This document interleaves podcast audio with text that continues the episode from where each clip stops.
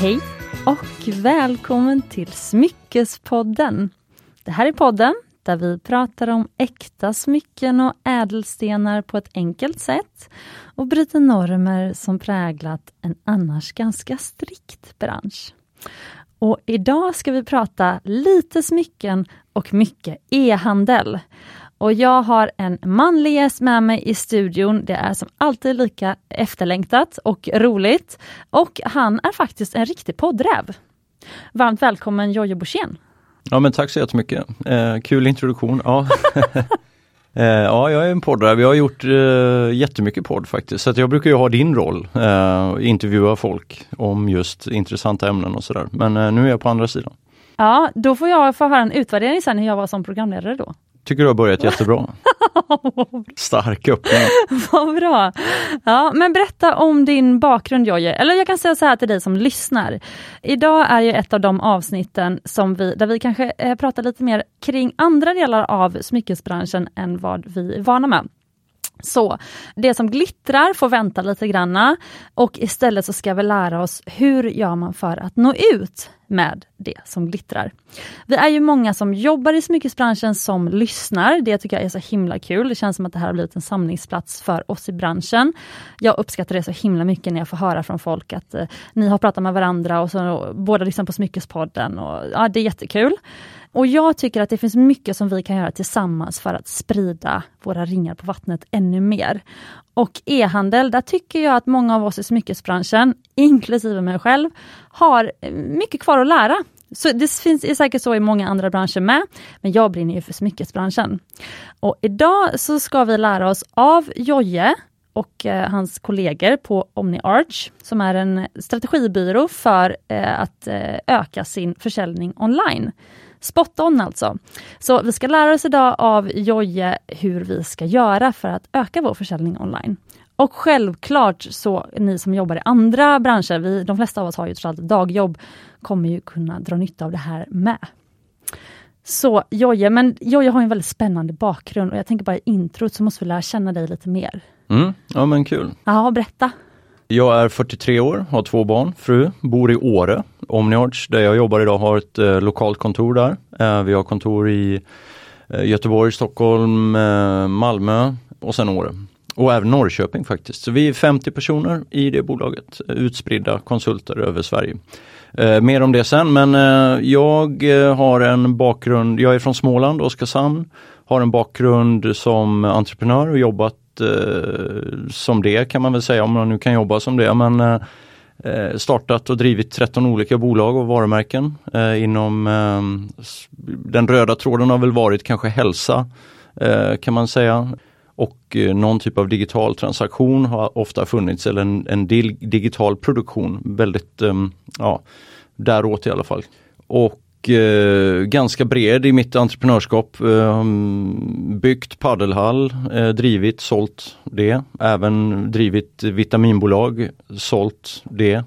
Och eh, gjort också några, några, några dåliga bolag givetvis men har haft väldigt, väldigt kul under 20 år som sagt sport, eh, väldigt eh, mycket sportintresserad och har kört jättemycket triathlon genom åren.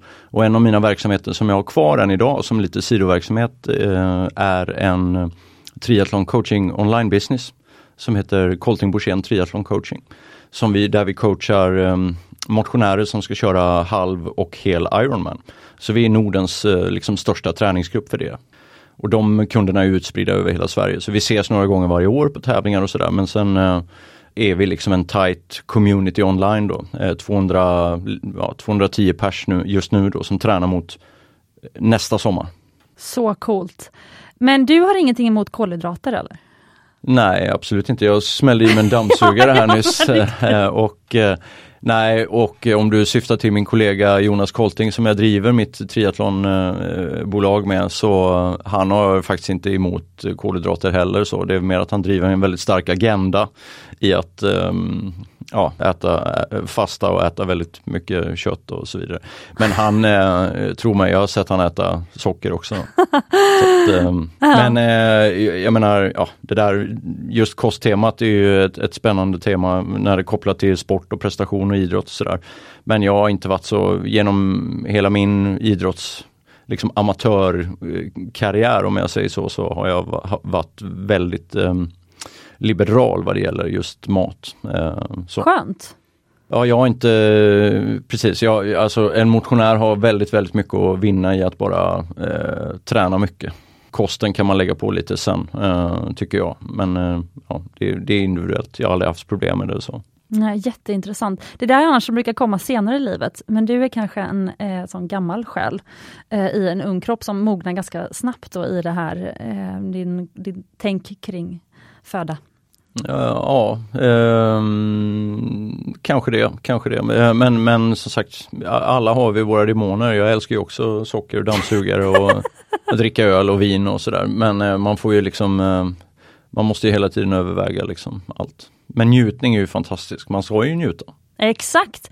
Och det vet ju vi som älskar smycken. Eh, ja. De flesta av de som lyssnar på Smyckespodden eh, älskar smycken, eller har börjat älska smycken efter man börjar lyssna på podden. Mm -hmm. mm. Men vad är din relation till smycken?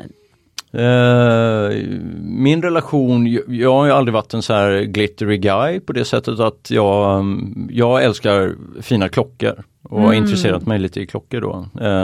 Som kanske de flesta män kanske gör, jag vet inte. Men um, så, så, när min pappa gick bort så uh, blev det um, i den bouppdelningen eller den liksom bouppteckningen som gjordes så blev det lite pengar över. Och uh, för att hylla han så köpte jag faktiskt en uh, väldigt fin klocka. Vad var det för någon? det var en Panerai. Mm -hmm. Um, och eh, det är ett uh, italienskt uh, märke som gör ganska vulgära klockor skulle jag säga. Stora urtavlor och det passade väldigt bra då. Sen började jag märka att den där Paneraien varit lite stor på min handled. Liksom. Den var 40, tror den är 46 millimeter. Um, ja. Och, och, och um, då bytte jag den eller ja, jag köpte en Rolex istället eh, som jag hade väldigt många år och gillade väldigt mycket. Eh, och det var mitt enda smycke förutom min vigselring då. Och sen eh, nu när vi byggde, ja alltså man måste vara krass också, sann mot sig själv. Så när vi byggde hus nu i år som vi gör så hade jag inte råd att ha kvar den helt enkelt. Så jag var tvungen att sälja. Men det är ju ett tecken på mänsklighet och jag tänker också att det är skönt att uh, få höra det här för en del lyssnare sitter ju med smycken eller klockor hemma som man kanske inte riktigt använder. Mm. Eller man är redo för en ny fas i livet som du var och då passar det inte just då. Nej. Och då kanske man vill känna att man ska kunna sälja det i andra hand. Och det är där smycken och klockor är lika faktiskt. Mm. Det kanske inte, jag vet inte hur mycket du kan om smycken, men eh, smycken är ju just det finns en väldigt, väldigt stor andrahandsmarknad för äkta smycken. Mm. Så att om man vill så kan man sälja och eh, eh ja, få bra med pengar. Mm. Nej men mm. eh, helt rätt. Och, eh, sen har jag ju då en fru som är väldigt, som jag skulle säga är ganska intresserad av, av ringar och smycken och sådär. Som eh, skickar mig tips och så vad jag kan köpa och sådär. Ah. Ehm, men, eh, och där förstår jag att det ligger ju något liksom just, alltså hon har ju ett intresse, hon, hon googlar ju vigselringar eller liksom stenar och allt sånt där när vi skulle gifta oss. Det var, det var ju liksom hela hennes vecka eller dag kunde gå åt åt sånt. Liksom, tills, så att det finns ju, det är ju, det är ju häftigt det där och just med tanke på det vi ska prata om också hur en köpintention eller en köpresa börjar vad det gäller smycken. Att det här är ju liksom det här är ju något som folk funderar på väldigt, väldigt länge innan de skaffar. Ja, jag älskar att du säger så och jag känner redan, gud, ja, vi har valt rätt gäst till det här avsnittet. Det är alltid lite läskigt, man vet ju inte riktigt hur det är. Men det här tänket, för Alltså, men först måste jag bara fråga innan vi kommer till det. Lyssnar du på henne då? Har du köpt något av dem som hon har? Vad, vi köpte du? ju våra vigselringar som hon hade mm, liksom eh, valt ut då, absolut. Så det gjorde vi ju eh, tillsammans. Eh, ja.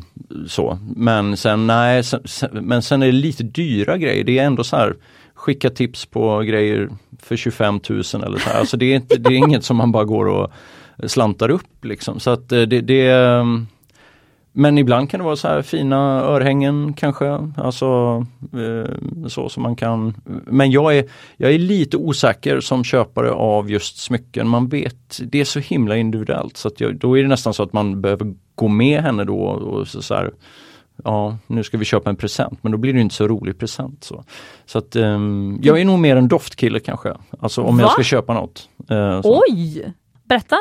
Nej men jag köpt, nu eh, i Åre finns det ju, till, jag älskar ju de här Byredo parfymerna. Mm. Ja, så att uh, i Åre finns ju inte det. Så att jag passade på nu faktiskt att springa ner till NK, vi är ganska nära där, där vi spelar in. Så att, uh, och köpa en Byredo parfym som jag har haft ja, länge.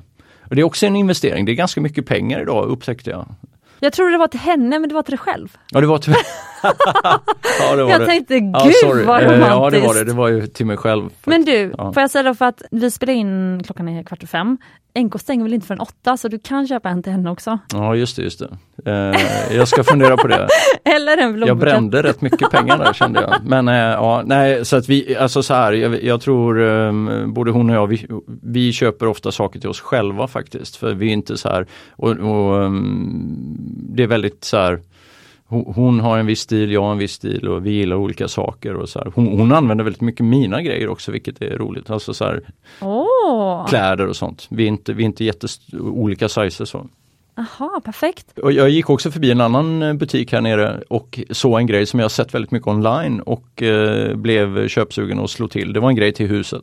Ett eh, eluttag eh, som heter A-volt som är väldigt, eh, det är som en kub som du sätter i. Ja, med många olika, ja, ja en sån har jag hemma. Ja, gillar du den? Ja, underbar. Den har ju en magnet. Mm. Så att du kan både ha den som förlängning för du kan ta bort magneten från väggen. Eller, nej, ja. den är fantastiskt användbar.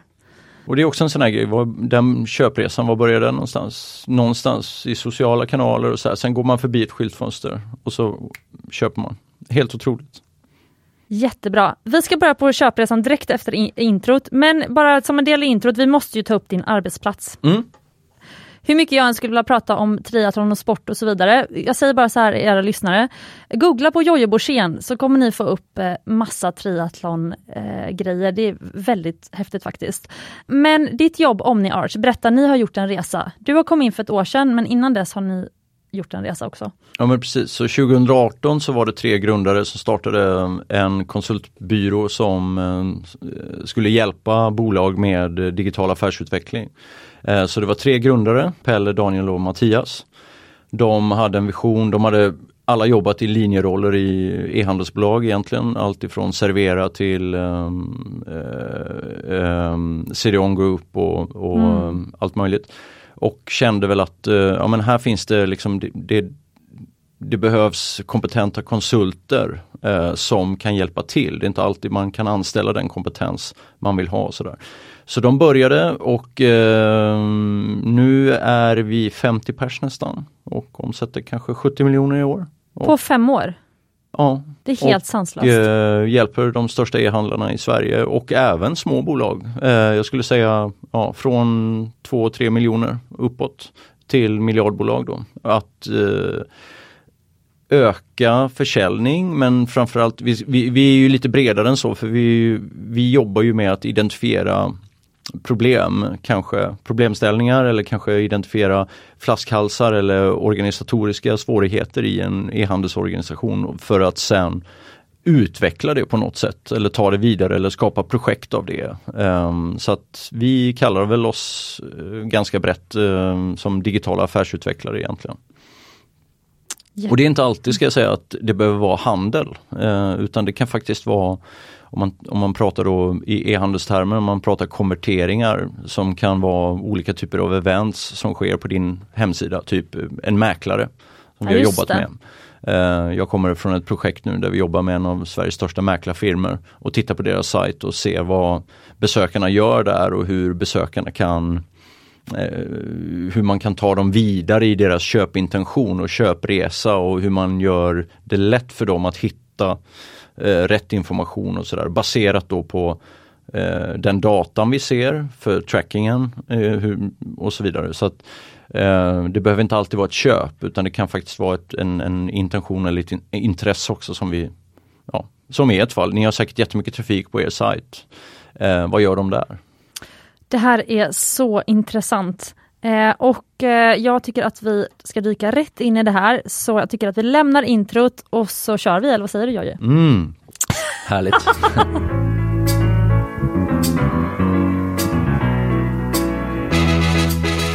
ja, du har sagt under introt, flera gånger har du sagt ett ord som också var det ordet som jag faktiskt sökte på när jag hittade er. Mm. För det har jag ju inte berättat för er lyssnare, men eh, jag, eh, min svåger är ju duktig inom e-handel, startade bolag när han var 15, han sålde det nu när han är ja, 32. Kul! V- v- vad var det för bolag? Vendre heter det. ja, just det. Ja, Mm. Eh, mm, så Kalle heter han. Mm. Och han är en mycket spännande person. Han var ju väldigt entreprenöriell när han var liten och hans mamma och pappa uppmuntrade det. Alltså så här, hans pappa odlade så då gick eh, Kalle runt eh, och han hade grönsaksstånd utanför huset. Och, alltså massa sånt. Och när han skulle starta bolag då, då var hans mamma med och, liksom verkligen så här uppmuntrade honom till att, eh, när han var då 15, tror jag det var, och, och liksom skaffade aktiebolaget. Så gick de hem där med aktiebreven i handen. Alltså väldigt härligt. Eh, drömbarndom på det viset tycker jag. Verkligen. Ja. Men ehm, så sa jag så här, men jag skulle gärna vilja prata e-handel med dig. Och så sa han, ja men då vill jag att du kanske eh, läser på lite grann och lyssnar på lite poddar och så om köpresan först. Mm. Det var ju väldigt bra liksom, svar tycker jag. Och då tänkte jag, okej köpresa, köpresa. Och så sökte jag på köpresa och då var det, fanns ett poddavsnitt om en köpresa från en nystartad podd som hette Omniarts podd om e-handel. Ja. Och då lyssnade jag på några av era av- avsnitt, som jag för övrigt tycker är alldeles för korta. De är typ 15 minuter och för någon som, eller 20, och för någon då som jag som inte kan alla begrepp, är det ju lite som grekiska. Men jag kände så här, herregud, det här, jag vill ju träffa de här människorna, så då mejlade jag er och frågade om ni ville komma till podden. Mm. Och här sitter du nu. Ja, och du mejlar ju vår VD då, Pelle, han är, han är, han är busy, väldigt busy just nu att bygga bolag och ta hand om anställda och hej och så att eh, det, det fick bli jag. Men vi kör ju en podcast om e-handel eh, som just nu ligger lite på is, men för vi har väldigt mycket att göra. Eh, för det är en sån här nice to have grej som vi inte prioriterar fullt. Men eh, eh, vi jobbar ju med ett, ett av våra värde, eller värdeord kan man väl säga, är ju kunskapsdelning. Eh, Mm, vilket är viktigt för dig som, eller för oss som konsulter att eh, dela kunskap mellan varandra med tanke på att vi är 50 konsulter, alla har jobbat på alla har väldigt, mycket, väldigt olika bakgrund, vi kan olika saker, vi är duktiga på olika grejer. Och då delar vi väldigt mycket kunskap mellan varandra och då hade vi en idé om att vi kan också ta den här kunskapen och dela den med publikt. Så podden är ju skapad ur ett liksom Eh, egentligen en idé om att dela kunskap kort och koncist 15-20 minuter varje vecka. Liksom. Så det är massa, massa olika rubriksättningar på de där avsnitten då, som kan vara intressant för folk som ja, dig som söker och mm, ja, vill hitta information och så. Ja, men de är, jag måste ändå säga att det är ju supersmart med de avsnitten, för hade det varit en timme kanske jag inte hade lyssnat. För att Nej. eh, det var ett, liksom ett sånt, för mig då kanske lite jobbigt ämne att sätta mig in i, så Mm, att jag ska mm. liksom lära mig det här nu. Så 15 Ja. minuter på det viset var perfekt. Ja. Men när man blir nyfiken, då blir det för kort. Ja, Eh, Men kundresan då, eller köpresan. Kan vi, kan vi inte bena lite i det? Vad är det och eh, varför, är det, varför, varför är det så viktigt? Ja, nej men eh, om man tänker så här just eh, det finns ju olika typer av köpresor givetvis.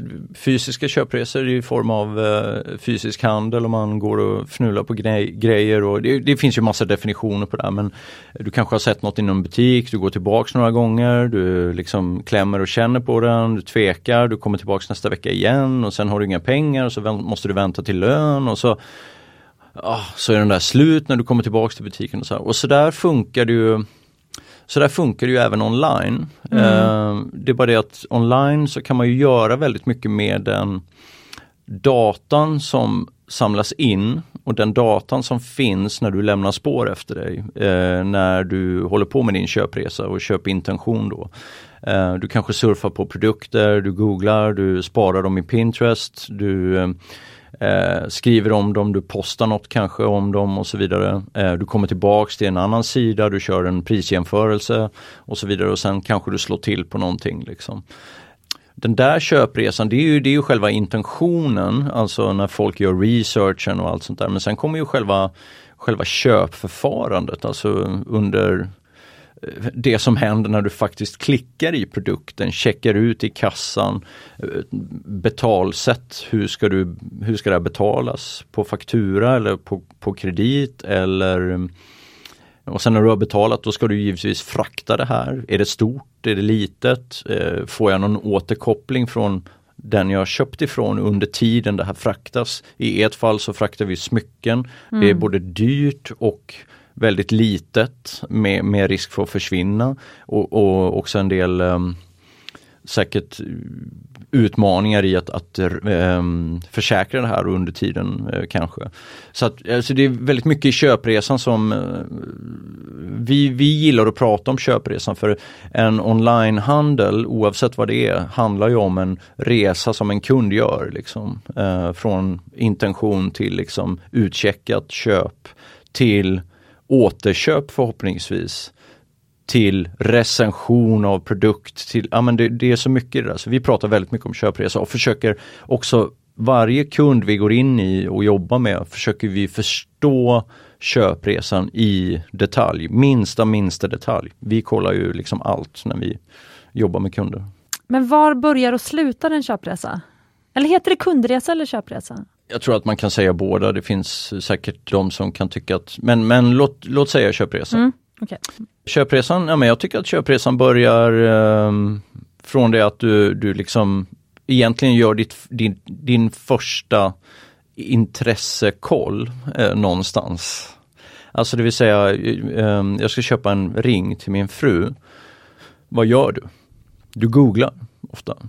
Eller har du sett något någonstans eller någonstans måste du försöka köpa eller söka den här informationen. Hur gjorde du? Friade du förresten? Eller var det ja, jag friade men eh, jag fick inte bestämma var vi skulle köpa det utan det var hon då som gjorde. Så att hon googlade nog. Mm. Jag tror vi hamnade på, jag vet inte om man får säga det, men jag tror vi köpte ring online, typ i Blue Nile. Ja, precis. Mm. Mm. Är det bra eller dåligt? Eh, nej, men vi, nej men jag har inga kommentarer men det blir så, är hon nöjd? Jättenöjd. Ja, då ja. blev det jättebra. Ja, ja, absolut. Men det finns massa, man, man får lyssna på flera avsnitt av Smyckespodden för att höra alla dimensioner som finns. Mm. Men det är väl det att det kan vara osäkert att köpa, eh, om man är noga med vilken, exakt vilken diamant det blir, så kan det vara osäkert att köpa online. Jag förstår. Med inneslutningar och hur den då ser ut exakt, men på håll kommer ju diamanten, alltså, mm. Så att, eh, det är väl lite som att köpa skidor online. Skulle du köpa skidor online? Ja absolut, absolut. Det är väldigt få grejer idag jag inte skulle köpa online faktiskt. Alltså väldigt få saker skulle jag säga. Men, eh, och det här är ganska intressant för om vi satt här för 15 år sedan, då satt vi och pratade om att vi skulle aldrig kunna tänka oss att köpa kläder eller jeans online. Men idag, jag menar det är, det är ju det är en kategori som är jättestor. Liksom. Så att allt har ju förändrats. Vi klickar hem bilar idag. Folk reserverar bilar online för en miljon kronor. Liksom. Så att det är inte så här, folk, folk, helt nya bilar, ingen har kört dem. Typ Volvo XC90s nya elbil nu, EX90 som den heter, den släpptes ju helt online. Folk bara reserverar den. Ingen har kört, ingen har sett. Bara reserverar på bilder online. Ja men det skulle jag nog säga lite, vet du hur jag skulle jämföra det? Att köpa en diamant online är lite som att köpa en soffa online som man mm. inte har provsuttit. För att man vet inte riktigt skillnaden mellan, alltså hur, hur sitter man och hur, alltså mm. en diamant är ju också alltid unik, eller det är som att köpa en Okay, det här, ett bättre exempel är om du ska köpa en träbänkskiva mm. eller marmorbänkskiva. Just det. Du kommer ju, marmor är också en sten så det kanske är det absolut bästa exemplet. Du kommer ju aldrig exakt veta exakt hur ådringarna ser ut. Nej. Så du kanske kommer bli besviken för att det plötsligt blev mer grått i ena delen av köksbänk, alltså den ytan då, för att det var mer ådringar där.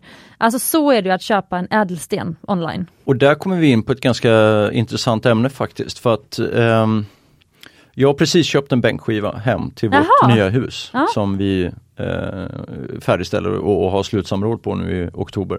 Eh, det jag märkte när vi köpte bänkskivan, mm. det var att det var så fruktansvärt dåliga bilder online. Alltså det vi kallar, det vi kallar på e-handelsspråk då, content. Man pratar om content, är alltså bilder eh, och texter och videos som man kan ha på produkterna eh, online på sin e-handel.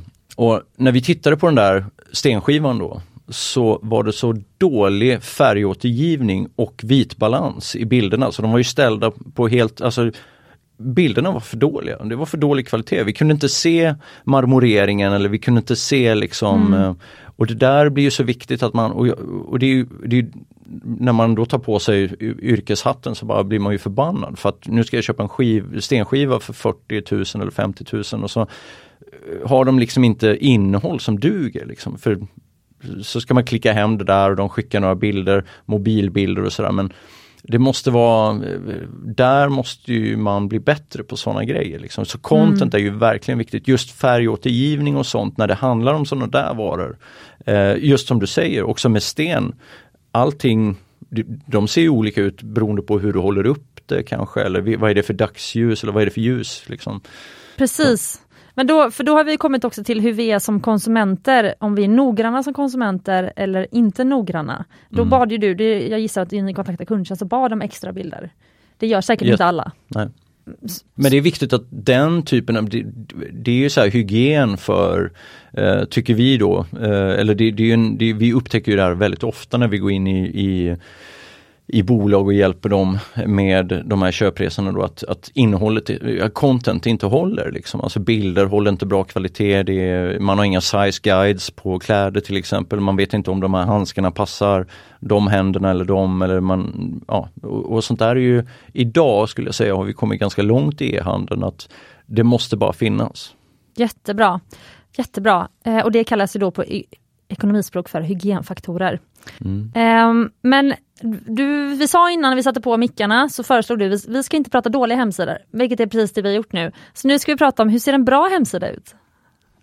Nej, men jag tycker om vi utgår från kundresan eh, så vi pratar smycken, för att ta ett närliggande ämne då, eh, så tycker jag ju att där måste man ju fråga sig själv, beroende på vad man har för position på sitt varumärke eller sitt, sina smycken, så tycker jag att en bra hemsida ska ju mm, förmedla det kunderna förväntas att ha reda på eller eh, förväntas, den information som kunderna förväntas att få där, den måste finnas. Så om man tänker på smycken då så är det så här, okej, okay, och nu frågar jag dig, vad är det Mm. viktigaste för kunden?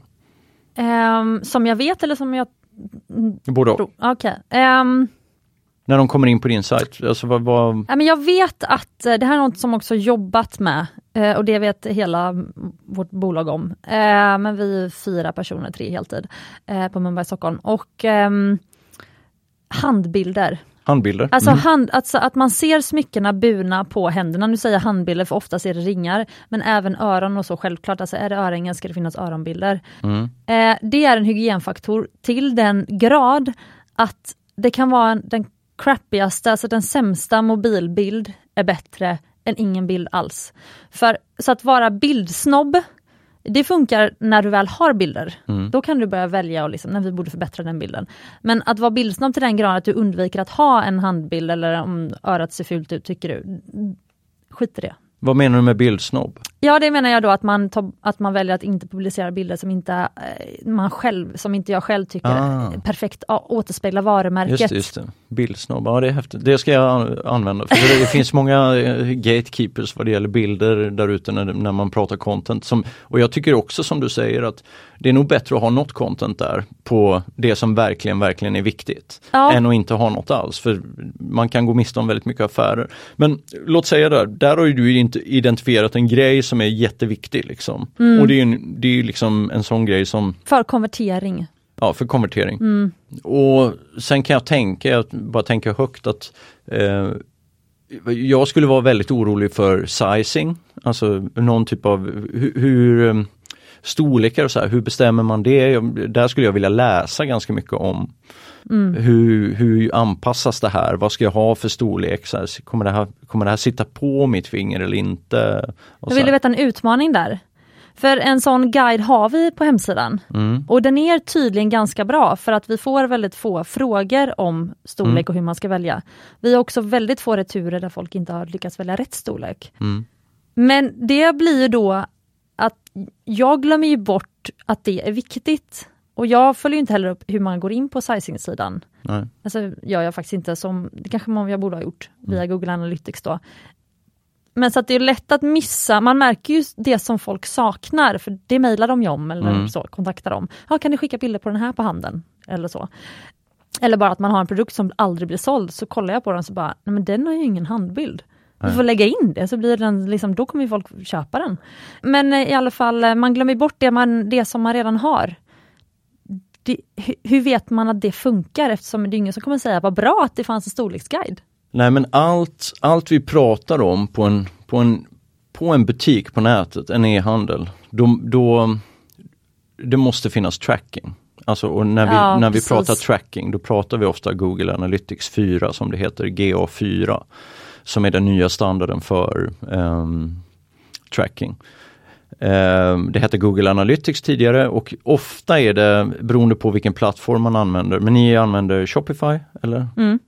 Så ofta är det bara en taggsträng man lägger till som är ganska lätt att lägga till. Eh, Shopify har ett enkelt, skulle jag tippa, ett enkelt, jag har inte jobbat jättemycket i Shopify men eh, det är ganska lätt att lägga till den här trackingen och, och den trackingen tillåter att man kan analysera all trafik som finns på hemsidan. För alltså utan, utan den datan så är det väldigt svårt att ta liksom, affärsmässiga beslut utifrån vad man ja, men, um, vad besökaren gör på sajten. För tänk att du har en butik online det du vill är ju att ta hand om besökarna på bästa möjliga sätt. Du vill ju att besökarna hittar rätt. Du vill att besökarna eh, att det finns eh, liksom saker att klicka hem och att lagersaldo stämmer och du, du vill ju liksom att butiken ska vara liksom nice, up and running och fungera liksom.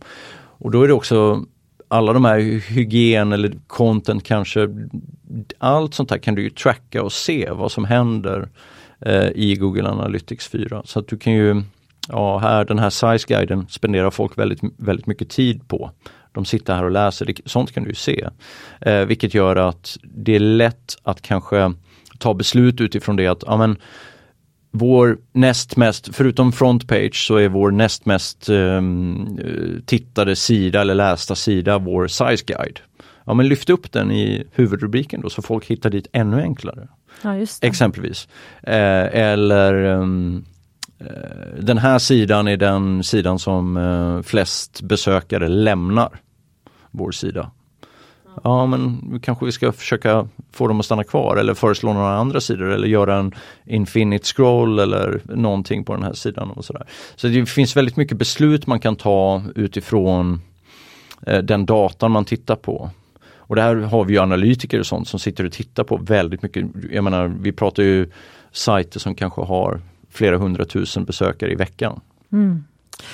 För att vi, jag sa ju att, eller jag föreslog för dig, det var bara som ett, eh, ett förslag till eh, det här avsnittet, att eh, Jojje skulle få coacha mig kring Mumbais hemsida. Mm.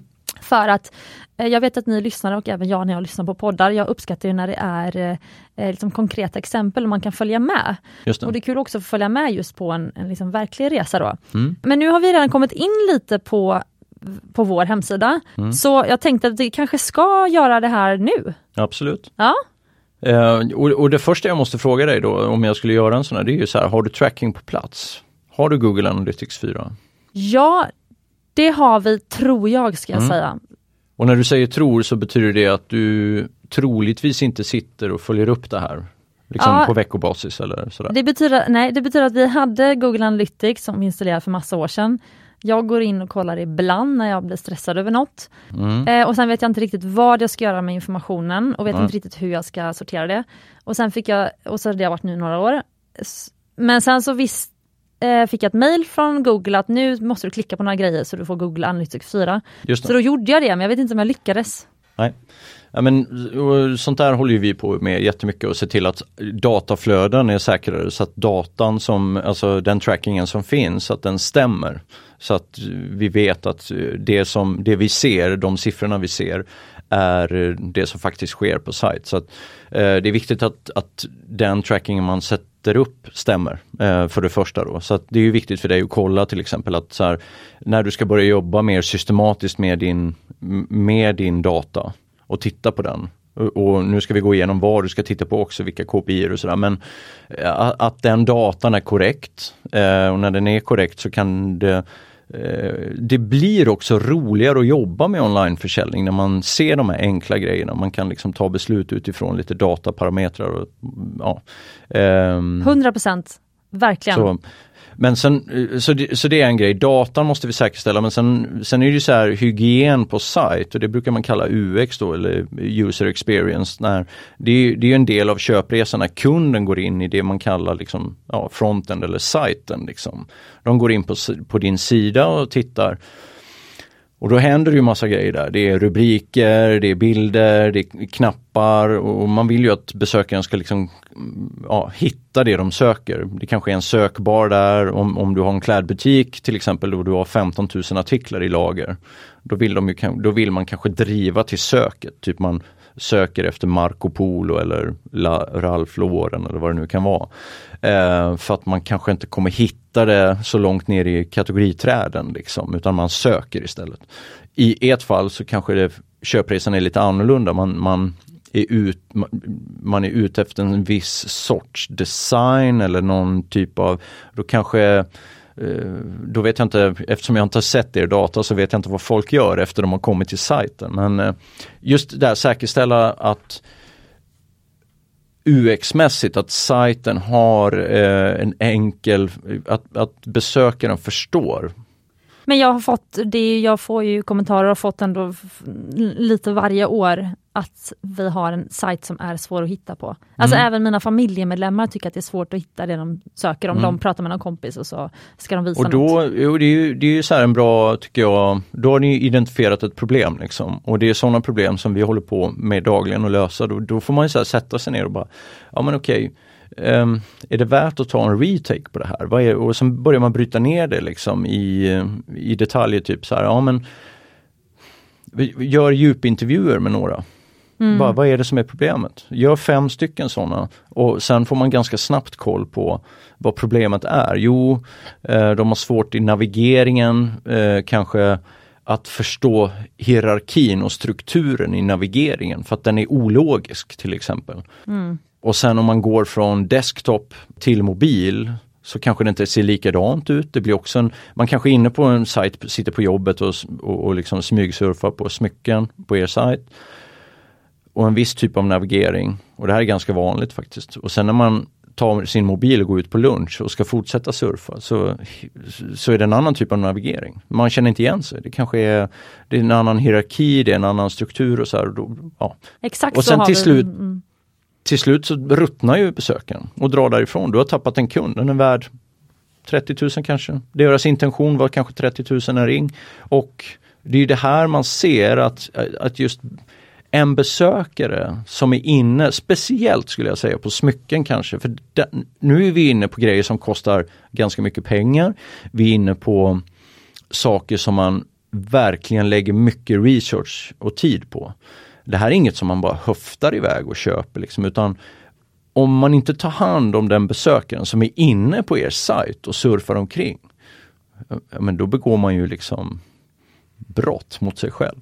Verkligen. Men jag har en fundering att den som är bäst lämpad för att skapa, hantera och liksom sköta sajten, alltså mm. alltså inte själva... En site manager. Kanske. Ja men det är, de kommer kanske utifrån och är inte så insyltade som vi som jobbar med det är.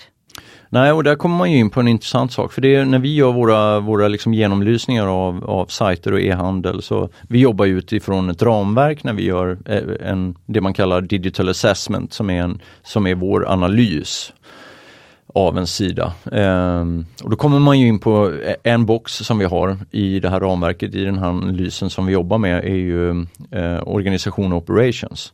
Och då tittar vi väldigt mycket på, jag menar, ni, du sa att ni var fyra anställda. Vad har ni för förutsättningar att sköta det här på bästa möjliga sätt? Då, då pratar vi med er, man gör intervjuer med bolagets anställda och frågar, så, men vem är det som sköter sajten? Ja det är jag, men jag gör det bara med vänsterhanden för sen sitter jag och gör smycken eller sen fixar jag events eller sen så att då, då, då faller ju lite det där att Nej men det är som du säger, ni kanske inte ska sköta det här helt själva utan ni kanske ska ta in någon som gör det några timmar i veckan och bara se till att allt är snyggt, allt är korrekt och, och sådär. Alternativt att man då som ni tänker att ah, men vi investerar i en e, e, e-handelschef som bara sitter och jobbar med det här och ökar vår trafik, ökar vår försäljning, ökar liksom eh, genomsäljet av produkter och så vidare. Så Det finns väldigt mycket olika sätt att göra det på men man märker speciellt tycker jag i sådana typer av organisationer som ni då kanske är min, lite mindre bolag, eh, entreprenörsbolag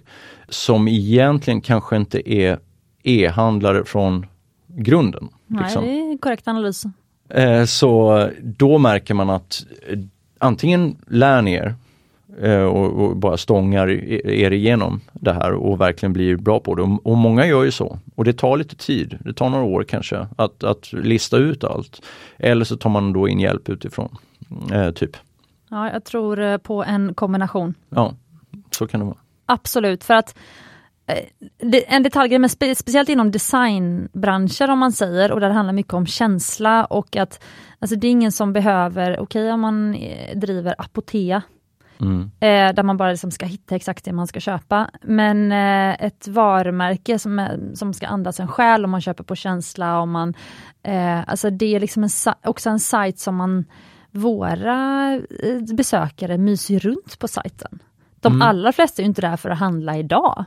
De vill handla ett smycke någon gång vartannat år och resten av tiden vill de liksom bara mysa runt på sajten. Så, eh. Ja, alltså Uh, du, nu säger du massa grejer som du kanske gissar och tror. Eller du, du, för du har ju fortfarande inte sett datan tillräckligt mycket på det här. Nej, sant! Nej, så, men, ja. så det jag menar är så här, ja absolut, men, men du vet ju inte, jag menar, hur många, om jag ställer så här frågor, så här, hur många av dina besökare är återkommande?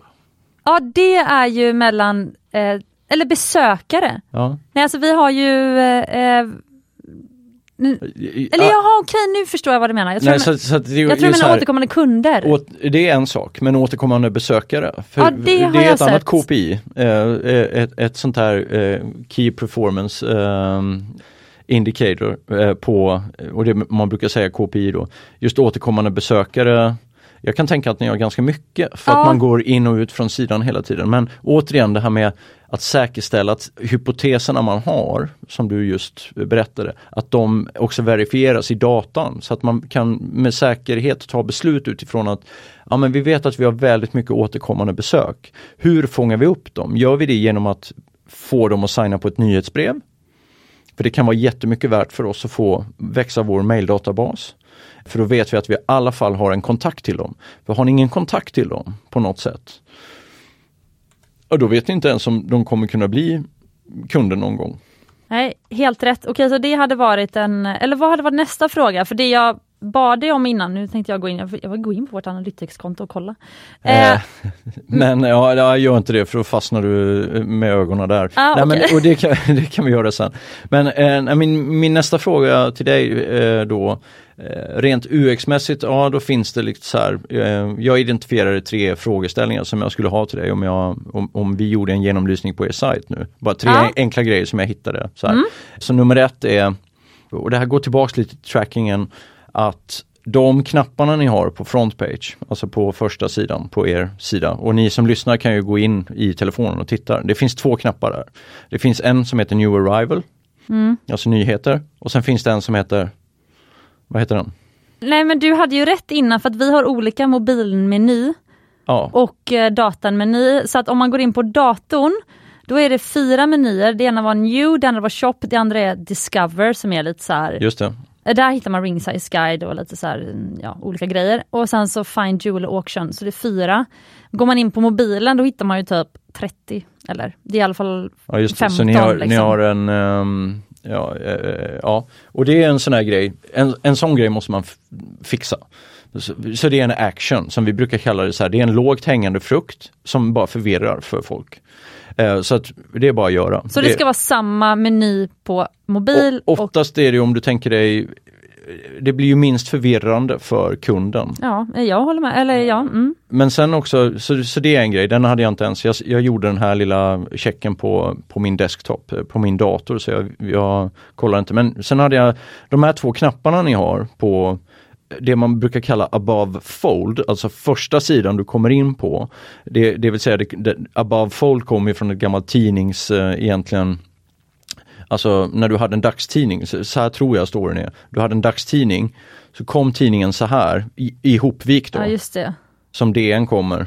Ja. Och det above fold, det är allt som du ser ja, innan du fäller ut tidningen. Mm. Och det här kallar man i, inom UX och design så kallar man eh, above fold, det du ser när du kommer in på sajten direkt. Mm. Och Just det. Precis, där finns det två knappar. Ja, Och- nu förstår jag, så jag måste bara förtydliga vad Jojje pratar om. Det, det var alltså inte menyn, för vi Nej. har fyra så att säga meny, eh, det var det jag sa för alldeles nyss, New Shop, Discover och Find Jewel Auction.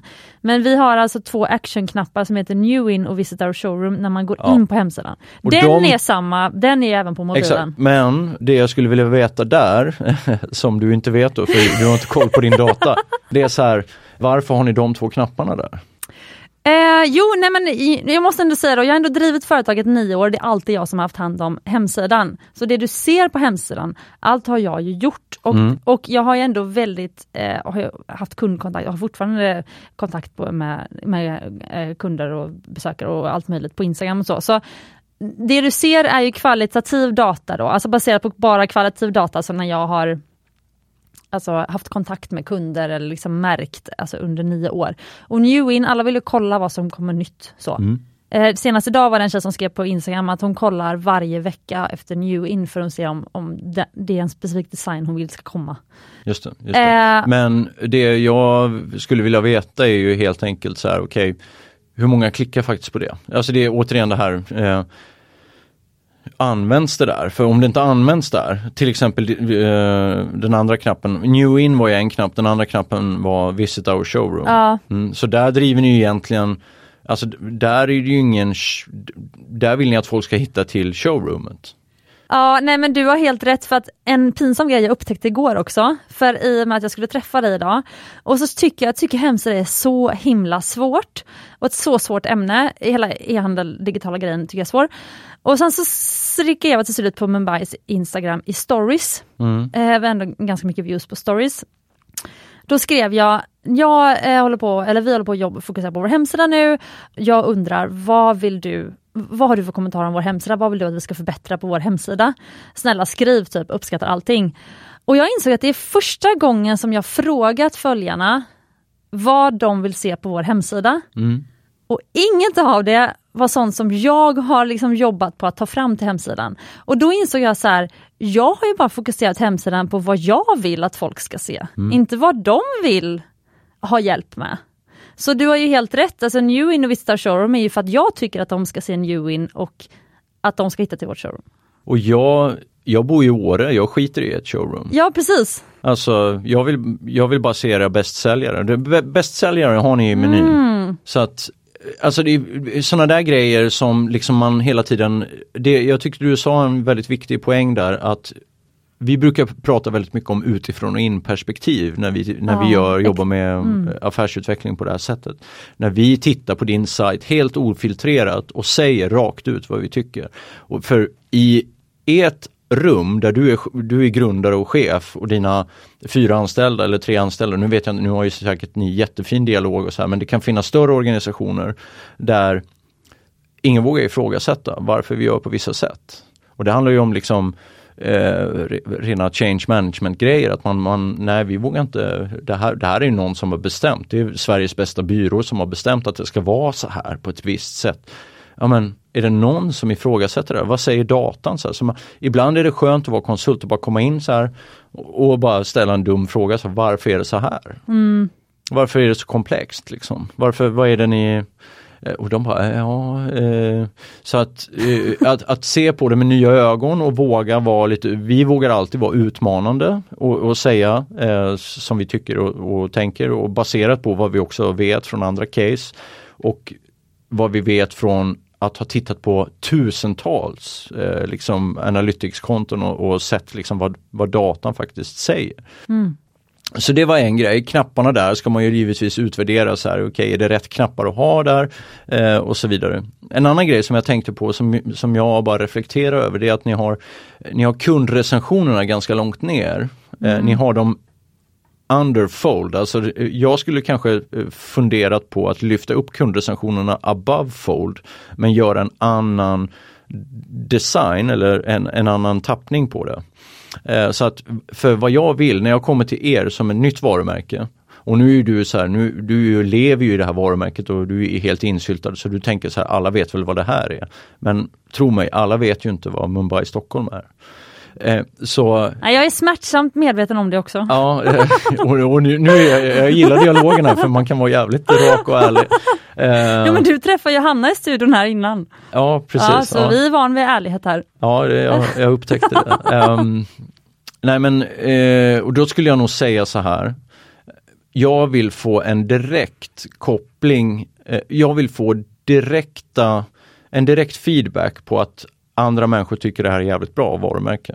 Eller älskar produkten. Det vill jag se direkt. Jag vill se citaten som ni har där nere, som ni har lyft ner. Jag vill se dem liksom first page, alltså above fold direkt. Mm, det gör mig ändå lite glad för att de låg above fold men jag ändrade på hemsidan för jag tyckte att det blev snyggare så här typ för tre veckor sedan. Ja, men de går att göra, jag tror att du ska kanske tänka på en annan d- Ja, struktur och design ja. på det. Den behöver inte vara så stor, det kan vara små grejer istället. Så. Ja. så då kommer vi in på rent designtekniska grejer. Eh, så det, det är så här och återigen, allt jag pratar om här, det finns ju tusen takes på saker och ting. Det finns tusen liksom olika vägar att gå och sådär men jag, jag, vi, vi tar några konkreta banala exempel här för att jag bara skulle, vi skulle illustrera det här. Men för mig skulle det varit jätteviktigt att få en bekräftelse på att andra har recenserat er, att andra är nöjda, att andra får hjälp eh, som de skriver där i sina recensioner och sådär. Superviktigt, typ så här, så tycker kunderna. Och att ni typ ska också teckna er för typ Trustpilot eller liknande, eh, liknande review-tjänst. För nu är era reviews ligger i Judge tror- me heter det. Ja, så att jag tror kanske att ni skulle kanske ha nytta av att dra nytta av kanske Trustpilot eller liknande för att få in lite mer certifierade eh, user reviews. Ja, just det. Så det är en grej. Den, den tredje grejen som jag bara la, eh, jag ska se mina anteckningar, men den tredje grejen som jag funderade lite på var faktiskt eh, ni har tre stycken puffar som ligger eh, och det här, är, det här är bara en UX-grej egentligen, men ni har tre puffar under första headern Ja. eh, som tar väldigt, väldigt mycket plats. De är bra, Free Insured Shipping, Lifelong Guarantee och Personal Guidance. De tar de är bra men de tror jag att ni ska bara krympa lite och, och tajta ihop för att de tar väldigt mycket plats av er första sida. ja, just det. Man, ja, precis, man behöver inte det. Eh, så att, eh, det, och, och, eh, så här, det här är detaljer men eh, när vi sitter och crunchar sådana här case och när vi jobbar med bolag för att utveckla den här affären då, är, då blir alla de här detaljerna blir ju en väldigt, det kan bli en väldigt lång åtgärdslista som då i slutändan kan mynna ut i förbättrad användarupplevelse för kunden och förbättrad kundresa, alltså köpresa. Och nu har jag bara gått in på en sida som jag såg. Vi, vi har liksom inte gått ner på detalj här. Så att jag tror bara man ska vara lite så här är man, är man inte Alltså så här, vill man, vill man vara en seriös spelare som ska växa online Då måste man göra de här grejerna. Liksom, då måste man ta det här på allvar. Eh, Du har övertygat mig och jag tror också att väldigt många lyssnare har blivit nyfikna. Mm. Nej men det här var exakt den här dialogen jag var ute efter för att snart ska vi börja rappa ihop men jag har ju saknat, för jag ska säga det ändå också till dig som lyssnar, jag har redan sagt det till Jojje, men att under mina år med Mumbai i Stockholm så har jag ändå försökt vid flertal tillfällen eh, vänt mig till byråer och det kan ha varit webbyråer som är designriktade eller en gång var det en ren SEO-byrå, Eh, alltså som skulle hjälpa till med sökmotoroptimering. Och jag har alltid blivit besviken. Jag alltid, till slut har vi alltid avslutat samarbetena. Det har varit totalt fyra stycken under liksom fem, sex års tid. Och det har aldrig blivit bättre. Det har alltid känts som att det har varit bara pengarna i sjön. Samtidigt så håller jag ju med det som du sa Jojje, alltså det behövs ju ordentlig kompetens. Det här är ju ingen, ingen barnlek. Men, och det, var, det, är ju, det är ju den här typen av, jag tycker att du, jag vet ju inte med dina kollegor, men, men det känns som det, har liksom den här finkänsligheten mellan design och data och det är den som vi designföretag, liksom, eller jag som driver ett designföretag, liksom saknar hos många som jobbar med det du gör. Mm. Ja, men vi, vi brukar prata väldigt mycket om holistisk syn på eh, affären liksom och, och med, den, med det menar vi ju att vi tar ju en, vi tar ju en, stor, ett, en stor bild av affären där vi ser liksom så här, okej men vilka är ni, vilka vill ni vara? Eh, hur är era kunder? Vad, vad, och sen tittar vi, vi pratar mycket kundresa och så här. Det är specialistbyråer då som jobbar med silos liksom av det här. De kanske bara jobbar med performance marketing, Google Ads och Meta och de kanalerna. De tänker ju bara på den affären, att den affären ska funka så medan vi tänker också på så här, men är det här on-brand? Är, det här, mm. är det här ni vill prata om? Är det här ni vill förmedla? Vad är det ni Ja, så vi, vi tar lite bredare grepp på det. Det finns både för och nackdelar med det tycker jag, men jag upplever att med rätt frågeställning, rätt kompetens och så, här, så kan man ta det väldigt, väldigt långt. Återigen, väldigt mycket av det vi gör handlar om att utbilda, förmedla vår kunskap och, och ge den vidare till dem, till våra uppdragsgivare eh, då som, eh, som vill bli bättre på det mm. de gör. Och sen efter, vi kan vara inne i ett case i tre, sex månader, ibland eh, har vi varit inne i case i flera år, eh, vissa har vi jobbat med längre. Men eh, till slut så känner man ju så här, men jag kanske har koll på det nu, jag avslutar samarbetet. Och det är ju jättenice för då har man ju liksom tagit sin kunskapsnivå ett steg upp. Ja men det måste väl vara målet för att ni, eh, det är ju, alltså då har ju er kunskap använts på rätt sätt och den har dessutom sipprat ut mm. vidare. Mm. Jättebra. Och, så, och de kanske kommer tillbaka sen och säger, ja men nu, nu har vi startat upp ett nytt projekt här. Vi ska göra en redesign. Och utifrån eh, den datan vi nu ser och så, så behöver vi ta en ny take på det. Kan ni projektleda det arbetet? Liksom? Ja absolut. Så man känner kunden och det, då, går det, liksom, då är man up to speed ganska snabbt. Mm. Jag har en lite spännande fråga till och sen så tänkte jag att du också gärna får, om det är något som du tycker är så viktigt att prata om, så, mm. så får du gärna ta det också.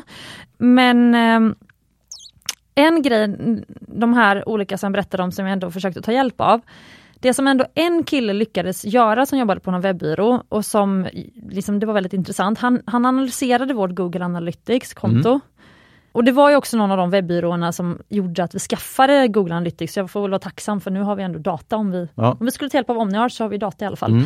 Under ganska många års tid. Men han såg, han identifierade att vi hade, nu kommer jag inte ihåg om det var 80 eller 90 procent, men det var ju skyhög andel tjejer mm. på, som var besökare, mm. spenderade tid på, på sajten.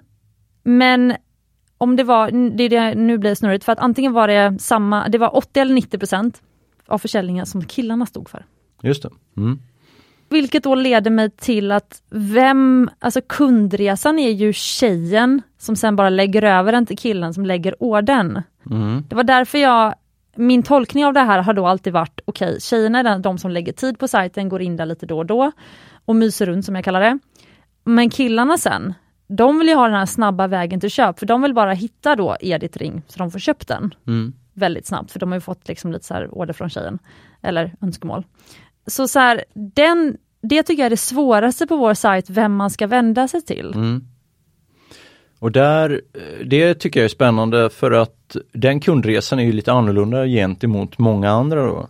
I och med att många, en kundresa handlar ju oftast om en person som gör köpet själv så att säga. Mm. Eh, men i det här fallet så är det någon annan som ska göra köpet.